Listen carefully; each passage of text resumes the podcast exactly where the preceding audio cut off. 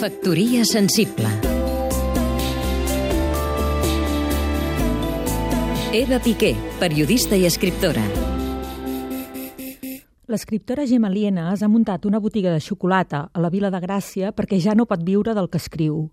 I mira que la literatura infantil i juvenil era l'única que fins fa poc encara permetia viure d'escriure. L'Oriol Izquierdo, exdirector de l'Institució de les Lletres Catalanes, ha obert una botiga de queviures i alimentació saludable al barri d'Horta.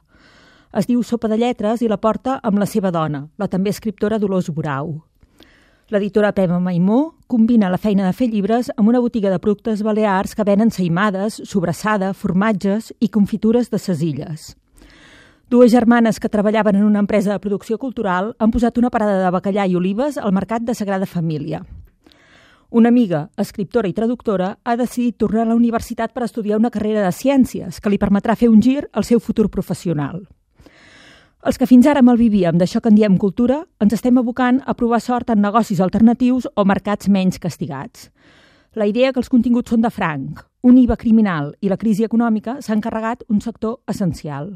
Si parlem d'alimentació saludable, no hauríem d'oblidar l'alimentació de l'ànima, que hauria de ser tan bàsica com l'alimentació del cos. Però els aliments encara es venen i la cultura sembla que no.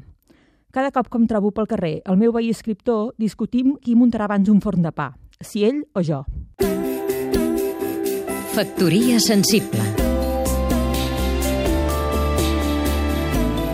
Seguim-nos també a catradio.cat